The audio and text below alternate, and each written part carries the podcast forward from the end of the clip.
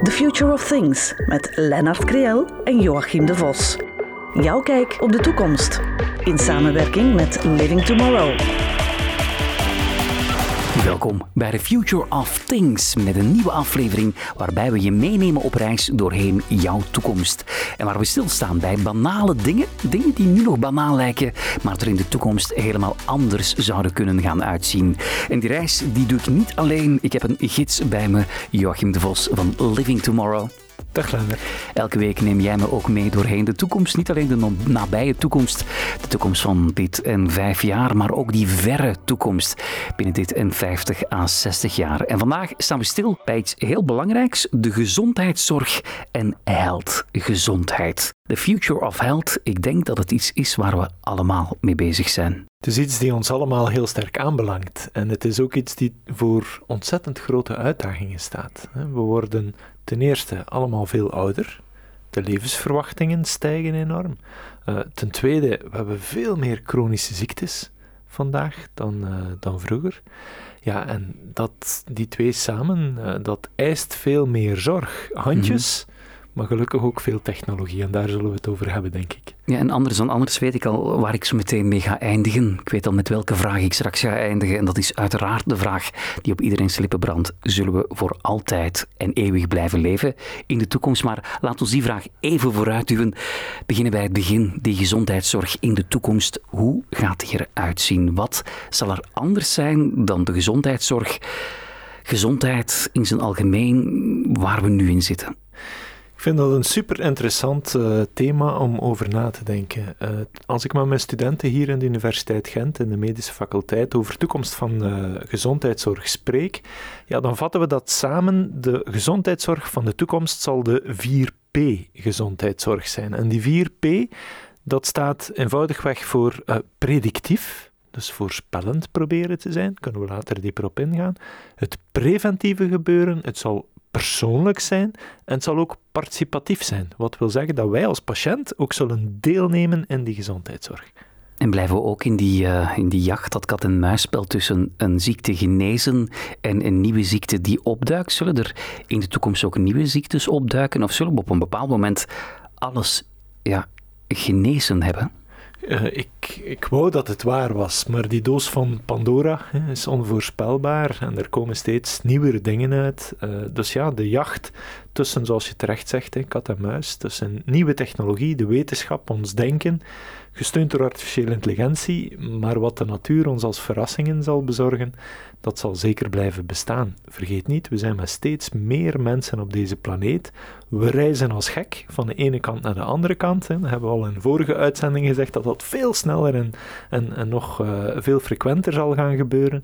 Ja, en dat zorgt ervoor dat die gezondheidszorg, ja, het minste wat fout gaat, dat dat eigenlijk morgen in China ontstaat en vandaag hier zit. Mm -hmm. Waar hebben we dat nog gehoord? Mm -hmm, mm -hmm. Nu, gezondheidszorg, en we kunnen straks dieper gaan op ieder thema, maar steunt op wetenschap, op medicijnen, medicatie, op wetenschap, op mensen. Ja, zullen we überhaupt uh, nog verzorgd worden door mensen? Blijft die menselijke hand belangrijk of, of zal alles meer en meer worden overgenomen door robots? Het is een van de hele grote uitdagingen. We hebben handen tekort. Zoals gezegd, hè, veel ouder worden, uh, nieuwere ziektes, uh, ook chronische ziektes. Ja, dat zorgt ervoor dat we ettelijke handjes tekort hebben al vandaag. En uh, een deel daarvan wordt overgenomen door technologie. En waarschijnlijk ook in onze dagelijkse verzorging zal een stukje door technologie kunnen, maar geef nu toe, wie wil alleen maar door robots verzorgd worden? Je hebt toch nog graag mensen om je heen ook. Dus de uitdaging van mensen die kiezen, en dat moet een passie zijn, mm-hmm. uh, voor gezondheidszorg en het verzorgen van mensen, ja, dat, uh, dat blijft een, uh, een zeer uitdagend punt, ja. Mm, maar komt er dan ergens zo'n verdeling 50% robots, 50% mensen? Zullen er meer robotstaken gaan overnemen? Ik denk maar gewoon de verzorgende factor in een, in een, in een woon- en, en zorgcentrum, in een rusthuis. Er zijn bepaalde handelingen, denk ik, die, die nu al perfect door robots kunnen gedaan worden. Zal dat in de toekomst nog meer gebeuren? Dat klopt. Wij hebben een aantal jaar geleden met Living Tomorrow hebben wij een zorgwoning van de toekomst gebouwd. En we zijn toen ook nagegaan wat zijn een aantal uh, problemen die zorgverleners hebben. Ja, als iemand bedlegerig is en uh, ja, die weegt 80, 90 kilo, je moet die opheffen, om te wassen of dergelijke meer. Dus daar bestaan ondertussen robots op. Een soort uh, robots voor tiltrobots, die je helpen uh, om effectief als verzorger die patiënt beter te ondersteunen, op te heffen en dergelijke. Maar bijvoorbeeld ook ja, alle cleaning robots is ook een heel belangrijk gegeven in die zorgcentra. Maar we hadden zelfs een entertainment robot. Uh, omdat uh, ja, mensen toch wel graag met, uh, met communicatie bezig zijn. Mm-hmm. En technologie zorgt ervoor, was het dan een hond of een, een pepperrobot zoals we hadden met zeer verleidelijke oogjes. Um, ja, die werd toch gebruikt. Uh, en effectief ja, was er ook interactie met de ouderen, met de robot. Vervangt die volledig de mens? Absoluut niet. Maar als je bijvoorbeeld dagelijks wil toch wel wat fitnessoefeningen doen, uh, dat is niet zoals in het fitnesscenter, dat gaat veel trager op die leeftijd.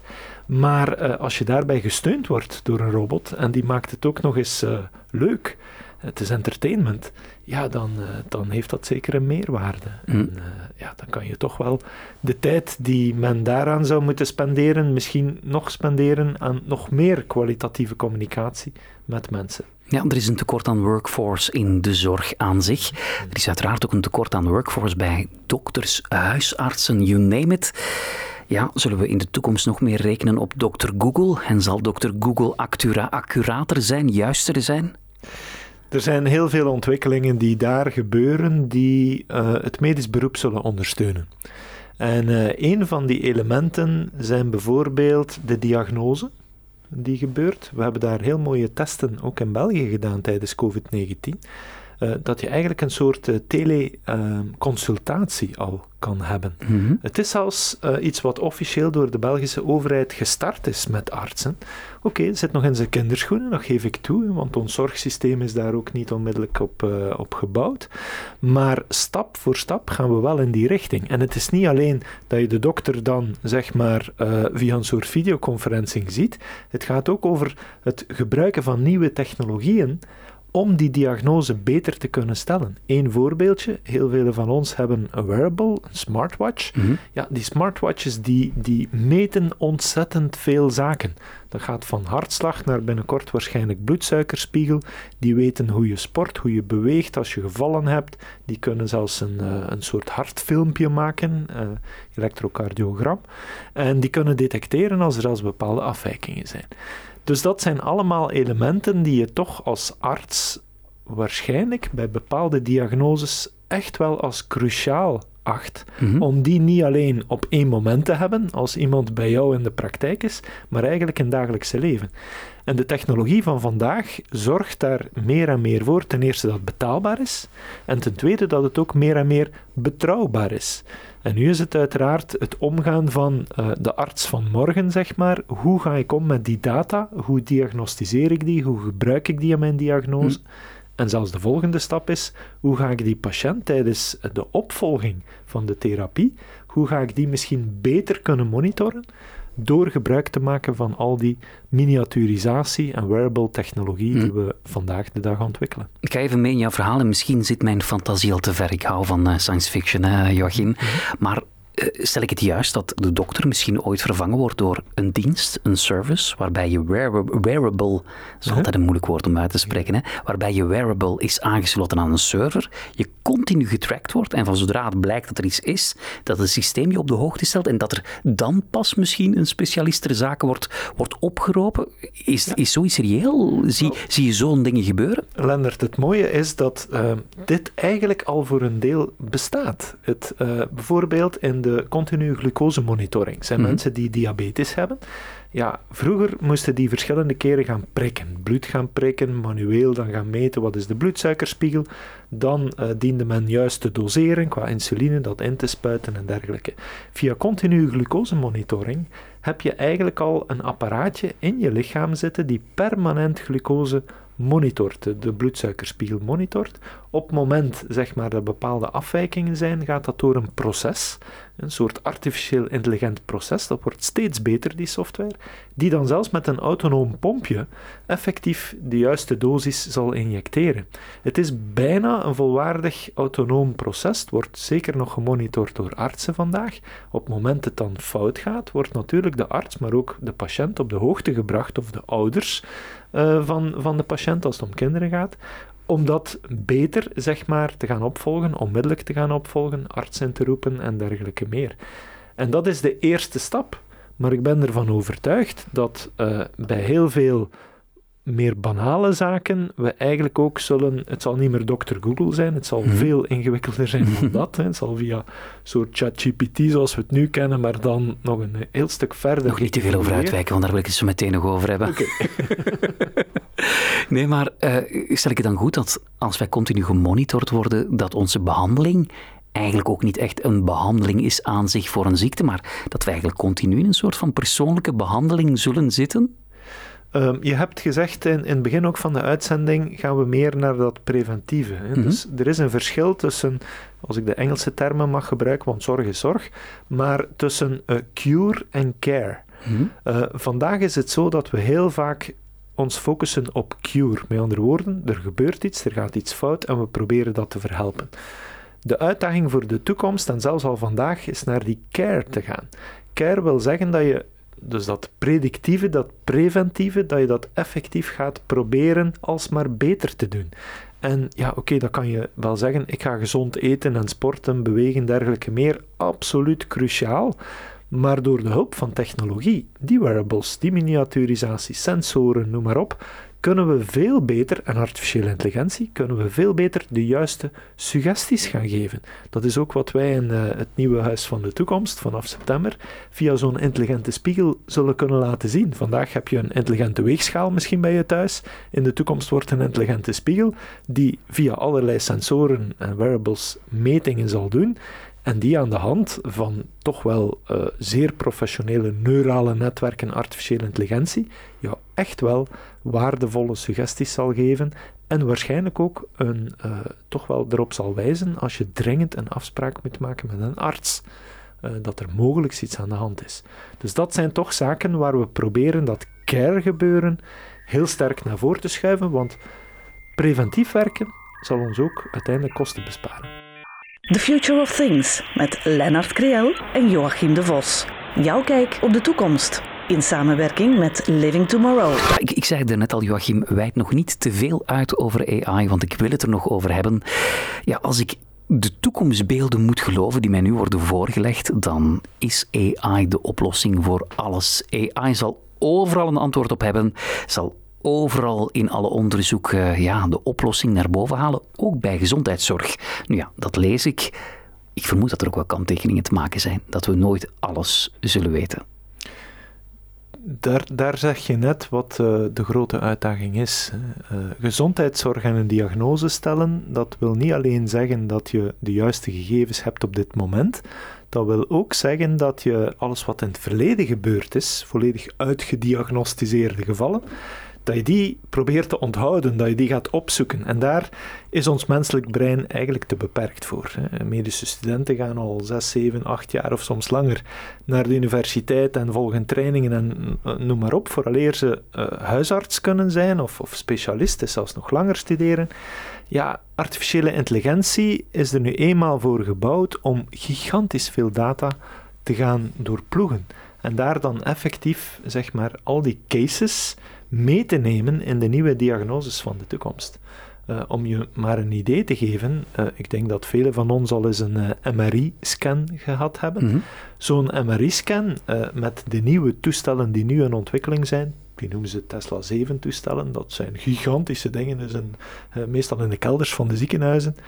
Eén scan produceert ongeveer een paar duizend geschreven boeken. Ja, als je er nu alleen zou voor staan, zonder artificiële intelligentie, dan is het onmogelijk om daar eigenlijk uh, alle conclusies uit te gaan halen. Op basis van artificiële intelligentie kunnen we daar natuurlijk ontzettend veel mee gaan doen.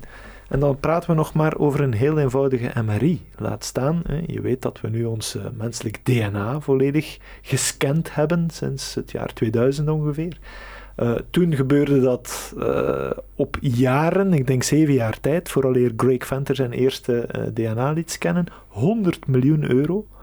Vandaag, de laatste ontwikkelingen, is dat men voor minder dan 600 euro in vijf uur tijd, Stanford University, dat men effectief een volledig DNA gaat scannen.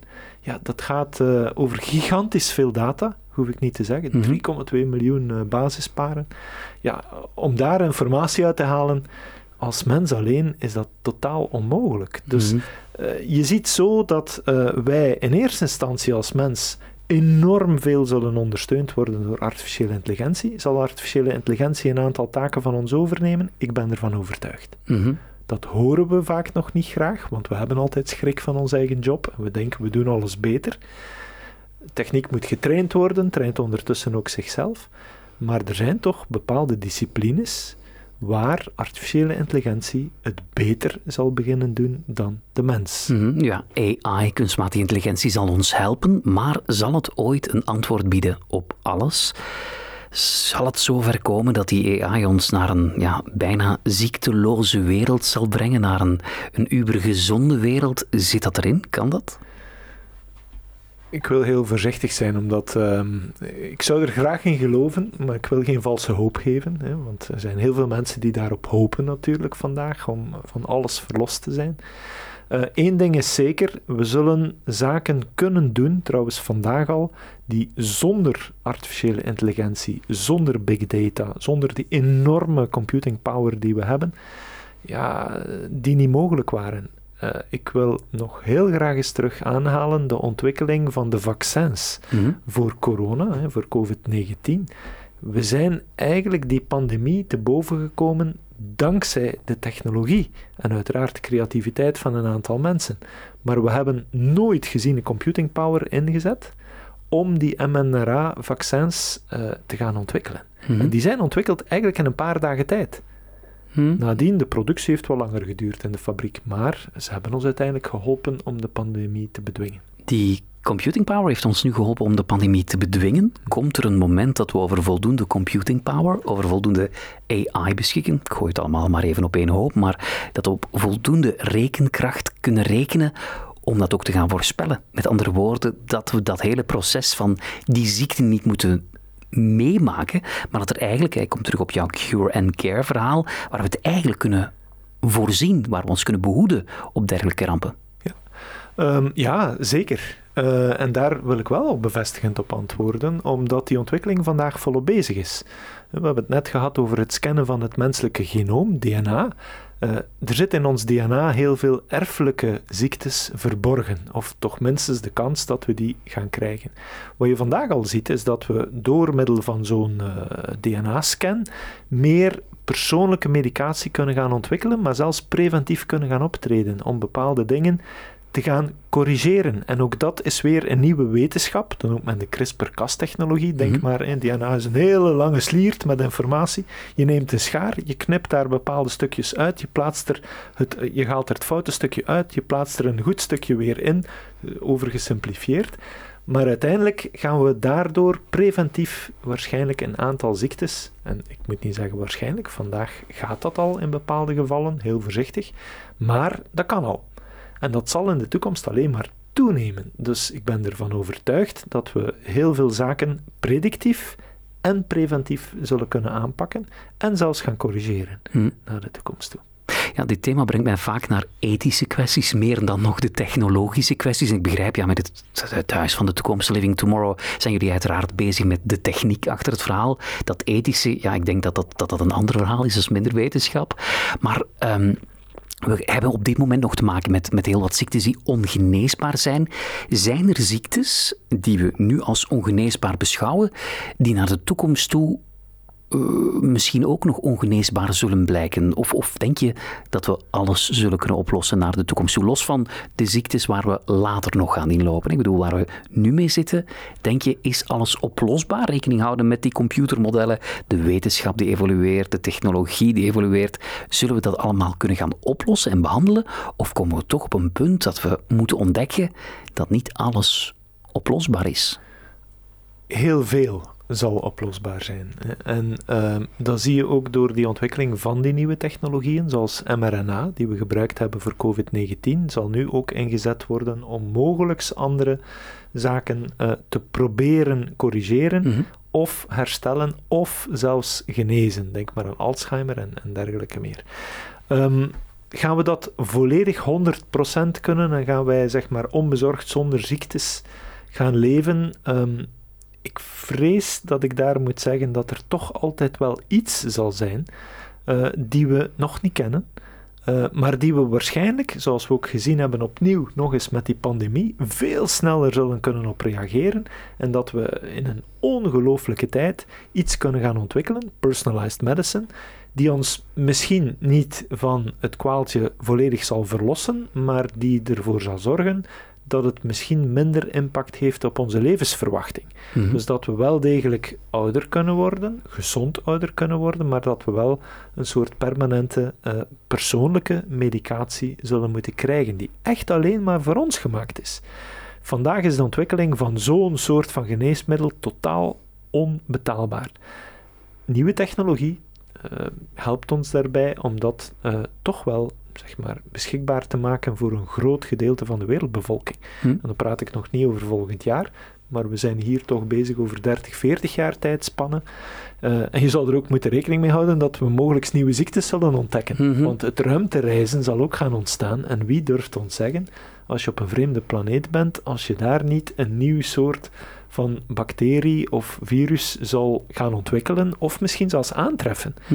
Dus dat zijn toch zaken waar we allemaal rekening moeten mee houden. Daar heb ik nog één vraag over, over die nieuwe ziektes. Die zullen we misschien ontdekken, maar gaan we die misschien ook creëren? En daarmee bedoel ik, ja, als we op een bepaald moment slimmer en slimmer worden, de medicijnen worden slimmer en slimmer, ja, dan krijgen we toch nog altijd te maken met een tegenstander die blijft evolueren en ook probeert slimmer te worden. Het verhaal van het vaccin en het virus. Hè, en het vaccin die probeert het virus tegen te houden, maar het virus door de maas van het net toch weet te ontsnappen, omdat hij continu met een uh, test en en, en, en error, trial and error systeem werkt, gaan we niet op een punt komen dat, ja, dat we supervirussen gaan creëren door onze kennis? Is dat niet iets waar we, waar we bang voor moeten zijn?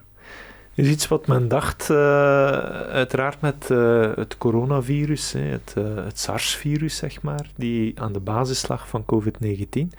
Is dat nu gecreëerd in een labo, al dan niet? Ehm, men denkt voorlopig van niet, maar je hoort soms wel eens stemmen van wel. het is zeker zo dat we aan de hand van al die DNA-analyses die we kunnen doen, plus zelfs die CRISPR-Cas-technologie, als dat in de foute handen valt, dan, ik denk maar aan biologische oorlogsvoering, dan is men in staat om supervirussen, superbacteriën te maken. Als die natuurlijk ontsnappen, ongecontroleerd, ja, dat kan zeker ook het einde van onze beschaving betekenen. Uh, omdat we nu eenmaal die kracht hebben, en die kracht van die vernietigingswapens zal uiterlijke keren groter zijn dan wat we kennen van nucleaire wapens. Hm. Dus elke uh, positieve evolutie in de technologie, ook in de geschiedenis, heeft telkens een negatieve, een dark side gekend. Ja, en het spreekt voor zich dat uh, alles wat men uh, vandaag doet rond uh, onderzoek naar oorlogsvoering toe, dat dat toch wel heel duistere kantjes heeft. En ja, ik ben ervan overtuigd dat men daar ook naar zoekt, jammer genoeg. The Future of Things met Lennart Creel en Joachim de Vos. Jouw kijk op de toekomst in samenwerking met Living Tomorrow. Welkom bij The Future of Things, waar we het hebben over jouw toekomst en jouw gezondheid vandaag. Want deze aflevering heeft het volledig en alleen maar over jouw gezondheid. In de toekomst, de nabije toekomst, maar ook de verre toekomst. En als ik aan gezondheid en gezondheidszorg denk, Joachim, dan denk ik ook aan medicijnen en behandeling. En dat brengt mij onmiddellijk, ik denk naar de verre toekomst, naar de nanobots die vanuit eh, je lichaam, binnen in je lichaam voor de nodige herstellingen gaan zorgen. Misschien wel dingen gaan opsporen. En dan zit ik misschien zelfs zo ver niet meer in de toekomst. Ja, behandelen in de toekomst. Hoe gaan we dat aanpakken? Uh, waar je over spreekt, die miniatuurrobots, uh, dat zie je voor een stukje vandaag al. Een robot, uh, een robot wordt al eh, zeer goed gebruikt in chirurgie. Dus daar kunnen we toch wel veel preciezer incisies gaan maken, kunnen we gaan opereren. Uh, dan alleen met de menselijke hand, alleen nog maar het beven, zeg maar. Zeker als je de hersenen uh, moet uh, operaties doen en zo. Ja, de minste millimeter die je verschuift is er eentje te veel. Trouwens, hier in Gent, met het ORSI, hebben we een wereldbekend instituut die opleidingen doet met de meest geavanceerde robots ter wereld. Aan de andere kant, dit zijn nog altijd grote robots. Je sprak over miniatuurrobots. Ja, de nanobot, die eigenlijk in je lichaam wordt geïnjecteerd. Hè? Klopt, en daar um, zijn ontwikkelingen op dat vlak. Men noemt dat de MEMS, dus Micro Electronical Mechanical Systems. Je moet je een idee geven, dat gaat parallel met de ontwikkeling van uh, zeg maar de kleinste computer ter wereld. In de jaren 80 was de kleinste computer uh, toch nog wel een desktopmodel. Um, een jaar of tien geleden was dat nog ter grootte van 50 uh, eurocent. vandaag is dat zo klein dat je eigenlijk op je vingertopje die volledige computer nog amper kan zien. Geef dan nog eens vijf jaar, dan heb je een microscoop nodig. En geef dan nog eens vijf jaar, ja, dan zie je het met blote oog niet meer. Dan gaan we daar effectief nuttige dingen kunnen mee doen, doordat mogelijks, en ik moet altijd voorzichtig zijn als ik over de toekomst spreek in gezondheidszorg, te injecteren in de bloedbaan om daar enerzijds testen te gaan doen, maar misschien ook manueel werk te gaan verrichten, biopsies te gaan nemen en dergelijke meer. Dus dat zijn uh, toch wel uh, ontwikkelingen die je uh, zelfs vandaag al begint te zien. Trouwens, als iemand al eens een colonoscopie gehad heeft, ja, dat is niet zo leuk. Dat kan vandaag al gebeuren via een soort pil die je inslikt. Daar zit een camera in, er zit verlichting in. Uh, en die gaat dan effectief door je darm helemaal heen, uh, gaat er natuurlijke weg weer uit en geeft dan uh, effectief alle informatie prijs via zeer hoge resolutie beeldvorming. Ja, in bepaalde gevallen kan dit eigenlijk al ehm, ja, de gewone colonoscopie gaan vervangen. Opnieuw, super voorzichtig zijn, want mhm. wat vandaag kan, wat morgen kan, maar je weet dat binnen tien jaar beeldkwaliteit niet vijf of tien keer beter is, maar tienduizend keer nog beter is. Dus ja, dat, uh, dat geeft ongetwijfeld die miniaturisatie ongelooflijke uitdagingen en mhm. mogelijkheden. En dan staat de robot, dan staat de computer nog los van je, maar we zien nu al in de media en de pers verschijnen dat we volop aan het experimenteren zijn naar de combinatie mens, lichaam en computer. Ik denk maar aan de chip die in hersenen wordt ingeplant. Ja, ik denk dat we ook meer en meer zelf een computer en een machine gaan worden. Hè? Ja, die interactie uh, zeg maar tussen ons brein, hè, want daar gaat het voornamelijk om, daar kennen we eigenlijk nog niet zo heel veel van. Hoe ons brein nu echt functioneert. Wat is bewustzijn? Uh, aan de andere kant hè, heb je die hele ontwikkeling in artificiële intelligentie, neurale netwerken daar gebeuren toch wel merkwaardige zaken. Hè. Bijvoorbeeld, heel recent is er ergens een uh, neuraal netwerk dat zich specifiek traint uh, om gesprekken van mensen die gestorven zijn, om die van over, ja, als die bewaard zijn van over heel hun leven, om die te, te leren, in het netwerk te verzamelen. En dan kan je met die persoon eigenlijk gewoon nog een gesprek hebben alsof die in leven is. Dat klinkt een beetje creepy. Mm -hmm. Maar um, ga dat straks gaan combineren met misschien het niet-invasief scannen. Daarmee bedoel ik, hè, je hersenen hoeven niet kapot te gaan om dat te scannen. Vandaag is dat wel nog vaak zo. Dat men pas van een overleden persoon de hersenen kan scannen door die in hele kleine schijfjes uh, te gaan versnijden. En dan kan men bepaalde beelden, laatste beelden die die persoon had, eigenlijk ook digitaal gaan oproepen. Ja, stel dat we dat niet meer moeten uh, invasief doen of niet meer destructief moeten gaan doen, maar dat je dat gewoon real-time kan doen, dan scan je je eigen ik, zeg maar, gaat mhm. dat over in een neuraal netwerk.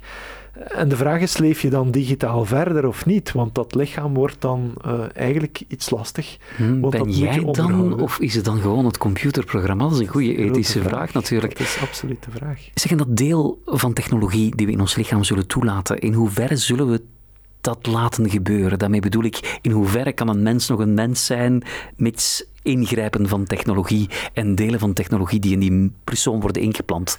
Want op een bepaald moment ben je een robot. Ja, Lennart, dit vind ik echt wel een, een, een zeer accurate en boeiende vraag. Want stel je nu eens voor, wat kunnen we vandaag al allemaal vervangen door bionische dingen? Mhm. Je kan een arm, een been uh, vervangen, je kan uh, bepaalde organen in je lichaam al deels gaan vervangen of straks zelfs gaan printen. Denk maar aan een lever, wat eigenlijk mm. het makkelijkste printen is.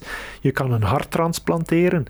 Um, je kan een oog gaan digitaliseren. Ben je dan nog een mens. Mhm. Dus we hebben zoiets van, vroeger dacht men, als we het hart vervangen, dan is het niet meer dezelfde mens. Maar wat bleek nu, als we harttransplantatie doen, dat dat eigenlijk nog altijd dezelfde mens is. Dus mhm. dan denken we vandaag, ja, maar dat zit waarschijnlijk in onze hersenen.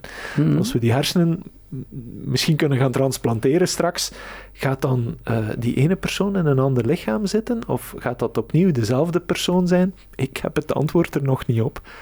Uh, laat staan dat je het gaat digitaliseren. Dus ik denk dat we in de toekomst qua bionische mens ja, meer en meer nog zaken in ons eigen lichaam zullen kunnen gaan herstellen, vervangen. Ehm, door al dan niet uh, elektromechanische systemen, hm. maar ook uh, gewoon zaken van vlees en bloed die geprint worden. Ehm, maar ik denk dat we nog altijd zullen dezelfde persoon blijven. Hm. Ik denk niet dat we plots een andere ehm, ja, ingesteldheid zullen hebben, andere persoonlijkheid zullen hebben, doordat iets digitaal vervangen is. Hm. Maar zeg nooit nooit. We zitten nog zover niet. Dus. Voor mij zit die persoonlijke grens, en ik kan louter maar persoonlijk spreken, en dat heb je vaak met ethische zaken, dat, dat ligt bij jezelf. Voor mij ligt die grens op het geconnecteerd worden met een netwerk en een internet. Van zodra we ons lichaam daarmee gaan connecteren, ja, ga je voor mij een lijn over waarbij je misschien niet meer terug kan aan de ene kant, maar tegelijkertijd, ja, dat is, dat is ergens een, een, een grens waar je over gaat. Dat is een next step. Ik weet niet wat er dan gaat gebeuren. Hebben jullie daar al bij stilgestaan als we straks allemaal geconnecteerd zitten met wifi of met het internet? Wat dat voor ons als, als maatschappij, als mens gaat betekenen? Ik denk, het is zeer emotioneel. Ik denk als we, zoals we nu vandaag in onze maatschappij leven, we hebben allemaal uh, bijna tienduizenden, soms honderdduizenden foto's, videomateriaal, stemmateriaal, um, die we verzamelen tijdens ons leven. En dat gaat alleen nog maar toenemen. Uh, zelfs al onze gedragingen worden in principe gescand via sensoren. Denk maar als je gaat lopen, fietsen, noem maar op. Dus je hele doen en laten is eigenlijk gedigitaliseerd. Dus als we straks dat, uh, als die persoon zeg maar in fysieke lijven wegvalt, maar die is gedigitaliseerd en je kan met die persoon misschien straks in een robot gaan stoppen en die ziet er hetzelfde uit. Um, die kan met jou praten. Je kan met die persoon zeggen van, hey, weet je nog in, in 2017 toen we samen op reis gingen? Die zegt, ja, inderdaad, we hebben dat en dat meegemaakt. Ja, ik sta zelf voor een raadsel hoe wij daar gaan op reageren. Gaan we dat willen? Uh, ik denk dat de ene persoon zegt, nee, dat wil ik absoluut niet, want ik wil de herinneringen houden aan de echte mens, maar ik denk dat anderen dat wel graag zullen hebben. En zeggen mm. van, ik ga kapot aan verdriet vandaag, omdat ik die persoon niet meer bij me heb. Maar als ik een digitaal equivalent heb, ja, dat is voor mij een troost. Dus dat is een ongelooflijk ethische uitdaging die heel snel op ons gaat afkomen. Mm. En als we allemaal geconnecteerd zijn met het internet, is het gevaar er natuurlijk ook dat we gehackt kunnen worden. Dat klopt. Hè. Eh, dat is denk ik vandaag al zo met alle technologie. Uh, dus ook als je uh, zaken in een persoon implanteert, zijn dat zaken die we toch wel al moeten over gaan nadenken. Van, gelukkig, ik heb nog geen weet van het zeg maar biologisch hacken mhm. van uh, iemand. Ik hoop dat we geen mensen op gedachten zetten nu. maar uh, ja, het is niet omdat dat ik het hier niet weet of jij het hier niet weet, dat het waarschijnlijk niet gebeurt. Ik mhm. denk dat daar helaas wel naar gekeken wordt. Maar ook door de fabrikanten, van hoe kunnen we dat zo goed mogelijk beveiligen. Uh, want ja, externe uh, straling of zo, het is al eenvoudig. Als je in de luchthaven komt en je moet door de scanner, staat er al een grote waarschuwing, heb je een pacemaker, ja of nee, en je lief dat bekend te maken, daar kan iets fout gaan. Dus um, uiteraard, hoe meer technologie we implanten in ons menselijk lichaam, hoe meer dat ook um, ja, kwetsbaar wordt voor uh, mensen die het fout bedoelen. Mm -hmm. Dus daar moeten we zeker aandacht voor hebben. Ja. The Future of Things met Lennart Creel en Joachim de Vos. Jouw kijk op de toekomst. In samenwerking met Living Tomorrow. Jouw gezondheid, dat is iets wat je uiteraard aanbelangt. Dat is belangrijk. En ook dat zou er in de toekomst wel eens anders kunnen gaan uitzien. Ja, ik heb nog één vraag. Nog één vraag uh, die ik super belangrijk vind, maar die ook wel zijn consequenties heeft.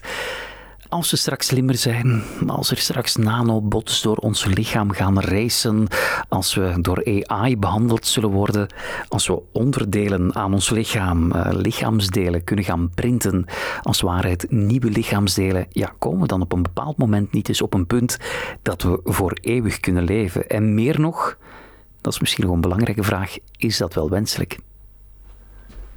Ja en nee. Um, dus de, nee, laat ons daarmee beginnen, dat gaat over het fysieke lichaam, zoals we het vandaag kennen. Um, je merkt dat we daar in de laatste 100 jaar uh, een verdubbeling kennen van onze levensverwachting. En dat is natuurlijk een zeer significant verhaal. We zijn uh, zeg maar van 40, 45 jaar gemiddeld naar 80, 85 gegaan. gaat dat stijgen naar 100, 200, Ik 300. net zeggen, zit daar nog rek op? Er zit nog rek op, uh, maar ik denk dat het vandaag zelfs belangrijker is om na te denken over het aantal kwalitatieve jaren. Want wie wil nu 150 jaar worden, maar dat je de laatste 50 jaar in een bed moet doorbrengen, uh, omringd door allerlei machines? Niemand. Dus het gaat in eerste instantie om de kwalitatieve jaren dat jouw lichaam kan meegaan. In Silicon Valley geven de big tech-organisaties en vooral dan privé-funding uh, van hun founders miljarden uit aan het proberen onsterfelijk worden. Omdat men ervan uitgaat dat we zullen kunnen dingen herstellen, waardoor het lichaam alsmaar uh, beter zou kunnen uh, of langer zou kunnen meegaan. In de natuur kennen we een aantal dieren die dat beter kunnen dan de mens. Dus daar probeert men uit te leren. Ik verwacht dat die uh, uh, levensverwachting van iemand die vandaag geboren wordt, gemiddeld 84 jaar oud, dat we die mogelijk kunnen optrekken naar 100 jaar. Dat zou al een belangrijke verandering zijn. Die ja, onsterfelijk worden, is digital. Ik herinner me, ik heb die man ooit nog ontmoet, Nicolas Negroponte van het MIT Media Lab, uh, is in Living Tomorrow op bezoek geweest. Hij had in de jaren 80 een boekje geschreven, Being Digital, waar eigenlijk al de mens overging in een machine. En daar geloof ik echt wel in dat dat iets zal zijn die we uh, mogelijk tijdens onze generatie nog deels zullen meemaken, waar men effectief een mens gaat klonen, is dat dan de persoonlijkheid? Misschien niet, maar op zijn minst alles wat we geleerd hebben, onze mm. herinneringen en dergelijke, dat die in een machine komen te zitten. Koppel je die dan aan een flexibele robot, ja, dan krijg je die science fiction films van zie je het verschil nog tussen een mens en een robot. En de vraag is, gaan sommige mensen er niet voor kiezen om uh, het lichaam te verlaten en eeuwig te blijven bestaan in een of andere robot? Dat is een mogelijkheid, maar ik denk dat dat ook heel veel uitdagingen en problemen met zich gaat meebrengen als we hier allemaal voor eeuwig en altijd blijven. Want, ja, ja, want daar wou ik toe komen. Hè, als we straks allemaal 100, 150 jaar worden, als we zouden blijven leven, ja, dan komen we wel voor andere uitdagingen te staan. De planeet wordt gewoon te klein. Ja, we horen dat niet graag, maar in principe is de dood iets heel eerlijk op onze wereld, want iedereen gaat dood. Niemand kan eraan ontsnappen. En uh, het maakt uiteindelijk plaats voor nieuwe dingen, voor innovatie, voor een nieuwe generatie. En de vraag is, uiteraard willen we hier graag blijven, toch op zijn minst gezond. Hè? Want eenmaal het echt met je fout gaat, dan zijn er mensen die, uh, die dit echt, uh, het leven hier niet meer zien zitten. En, en dat is begrijpelijk als je constant ontzettende pijn hebt. Maar vandaar dat um, ja, het digitale luik mogelijk daar een oplossing zou kunnen betekenen. En dan wil ik nu niet zeggen dat iedereen zomaar uit leven gaat stappen. Uh, het gaat erover, gaan we die dood uh, zomaar aan de kant kunnen schuiven? Uh, ik denk het niet dat dat zo eenvoudig zal zijn. De dood zal ook innovatief blijven en blijven zoeken van ja, hoe kan ik die balans in de wereld herstellen. Want inderdaad, stel dat we niet meer doodgaan, ja, dan moeten we ook stoppen met uh, kinderen op de wereld zetten. Uh, of we moeten inderdaad heelal gaan veroveren, maar dat is alweer een andere uitzending, denk ik. Daar gaan we het inderdaad op een ander moment eens over hebben. Nu, die rek die er bij ons op zit, hè, 80 jaar, 100 jaar, 150 jaar, wordt die ook beïnvloed door de technologie? Daarmee bedoel ik, ja, um, printen zou een oplossing kunnen zijn. Hè? Dat digitale, ja, daar ben ik nog niet helemaal in bij, Joachim. Ik denk dat dat mooi is voor de nabestaanden. Klopt. Maar ben je dat zelf nog? Dat is een goede vraag en dat zullen we alleen maar weten mocht het onszelf ooit overkomen. Maar ik denk dat technologie in de matter of ja, uh, nanobots, printen van lichaamsdelen, ik denk dat dat die rek is waar jij het over hebt en dan vooral over dat kwalitatieve leven. Hoe ver staan we daar nog vandaan? Ja, de slijtage. Slijtage die we effectief aan ons lichaam hebben en die we proberen te herstellen. En daar is men vandaag uh, letterlijk met man en macht en ontzettend veel budget aan het werken om toch uh, die heilige graal te vinden van ja, hoe kunnen we die slijtage ofwel uh, trager laten gaan, of als daar echt slijtage is, hoe kunnen we die herstellen. En we boeken daar al vooruitgang. Um, als je ziet dat de technologische innovaties in de gezondheidszorg ervoor zorgen dat we toch al uh, bepaalde ziektes voor een stuk chronisch kunnen laten worden in plaats van dodelijk, ja, dat is al een, een belangrijke levensverwachtingswinst. Dus dat zijn elementen die um, vandaag al gebeuren hè, waar men uh, effectief keihard aan werkt om ervoor te zorgen dat dat zich nog verder uh, gaat ontwikkelen. Mhm. En dan is er uiteraard het onvermijdelijke. Ooit moeten we komen te gaan. Gaan we daar in de toekomst anders mee omgaan? Er wordt vandaag uiteraard al naar gezocht. Hè. Het is een beetje een luguber onderwerp uiteraard, maar er wordt gekeken van ja, er zijn zoveel mensen op de planeet, hoe ga je dat op een goede manier doen? Want uh, uiteraard een lichaam dat gestorven is, brengt ook weer nieuwe bacteriën en virussen met zich mee als je dat niet op de juiste manier uh, zeg maar teruggeeft aan de natuur. Hm. En daar wordt ook gekeken naar nieuwe mogelijkheden. Uh, uiteraard, hè, dat gaat dan, uh, we hebben dat gezien, vroeger was alles begraven. dan is men gaan kijken naar het verassen. Men is nu ook aan het kijken om oplossen in bepaalde vloeistoffen of dergelijke meer, die mogelijkheden zouden kunnen zijn. Het is er eentje die ik in je opzomming niet hoor, maar het is misschien bewust. Cryonisme. Daar zijn ze al jaren mee bezig. Ja, ik, ik denk dat, dat het echt al van de jaren 50 of 60 is dat men daarmee gestart is naar onderzoeken van iemand bevriezen met de hoop, en dan komen we weer, hoop doet leven, hè, met de hoop dat die persoon, als er ooit een oplossing is voor die ziekte, terug tot leven te wekken. Is dat iets waar jullie in geloven? Um, geloven is veel gezegd. Technologisch denk ik dat het mogelijk zal worden om een lichaam steeds langer zeg maar, in een soort van vegetatieve toestand te gaan brengen. We gaan het nodig hebben als we planeten willen gaan veroveren ook. Uh, dat klopt. Dus daar zal het een uh, belangrijk onderzoekstraject zijn om te kijken als we richting Mars gaan of verder, van ja, de tijd is tegen ons. Uh, met andere woorden, je bent heel lang onderweg en zou je kunnen het verouderingsproces op zijn minst vertragen. Um, dus daar wordt onderzoek naar gedaan. Trouwens, het is al zo dat we uh, op bepaalde momenten, wanneer iemand uh, een, een, operatie of zo moet ondergaan, dat we die ook al sterk gaan koelen, het lichaam. Uh, uiteraard heeft dat niks te zien met het cryonisme waar je van sprak. Maar zoals terecht gezegd, hè, het is voor, vooral ontstaan destijds ook van, ah, er gaat een enorme vooruitgang zijn in de medische wereld, dus kunnen we deze persoon nu maar eventjes op pauze zetten, mm -hmm. dan zal die later wel genezen kunnen worden. En uh, ik denk dat die hoop altijd zal blijven bestaan. En uh, er zijn ettelijke science fiction films gemaakt uh, waar men probeert mensen ja, te bevriezen. Maar er zijn natuurlijk gigantisch veel uitdagingen om dat te gaan doen. Opnieuw, het zal veel makkelijker zijn digitaal dan het echt biologisch te gaan doen. Maar het spreekt voor zich dat wij daar zullen proberen om dat toch meester te worden. En zullen we daarin slagen? Ik denk dat daar een bepaalde kans zit dat we dat voor een beperkte tijd althans zullen kunnen doen. Ja. Mhm. Kort samengevat, de gezondheid van de toekomst, wat gaat er effectief veranderen? Wat zie jij kort bij en ook in verdere toekomsten veranderen? De belangrijkste punten? Uh, ik kom graag terug naar het begin van ons programma, waar we zegden: wat is de toekomst van de gezondheidszorg? De 4P: predictief, preventief, participatief en persoonlijk. En daar gaan we de grootste veranderingen zien. Hè. Dus effectief dat predictieve, dat participatieve, dus waar je als patiënt ook deelneemt door wearables, door sensoren en dergelijke, artificiële intelligentie die met jou deelnemen. Uh, en dan het gepersonaliseerde, ja, dat hangt volledig samen met die uh, analyse van het menselijke genoom, wat nu, wat eigenlijk nog maar een goede 20 jaar oud is sinds het gescand is, uh, en waar we dagelijks enorm veel bijleren, nu ook gesteund door technologie. Dus in die 4P gezondheidszorg van de toekomst geloof ik blindelings. Dat is iets die uh, niet alleen ons als mens zal te goede komen, maar voornamelijk ook uh, het systeem, het gezondheidssysteem, die ook moet uh, innoveren, uiteraard. Maar alsjeblieft, vergeet de basisdingen niet. Want als je weet, onze verdubbeling van onze levensverwachting heeft eigenlijk ook te maken met vers water, met gezondheidszorg, met educatie.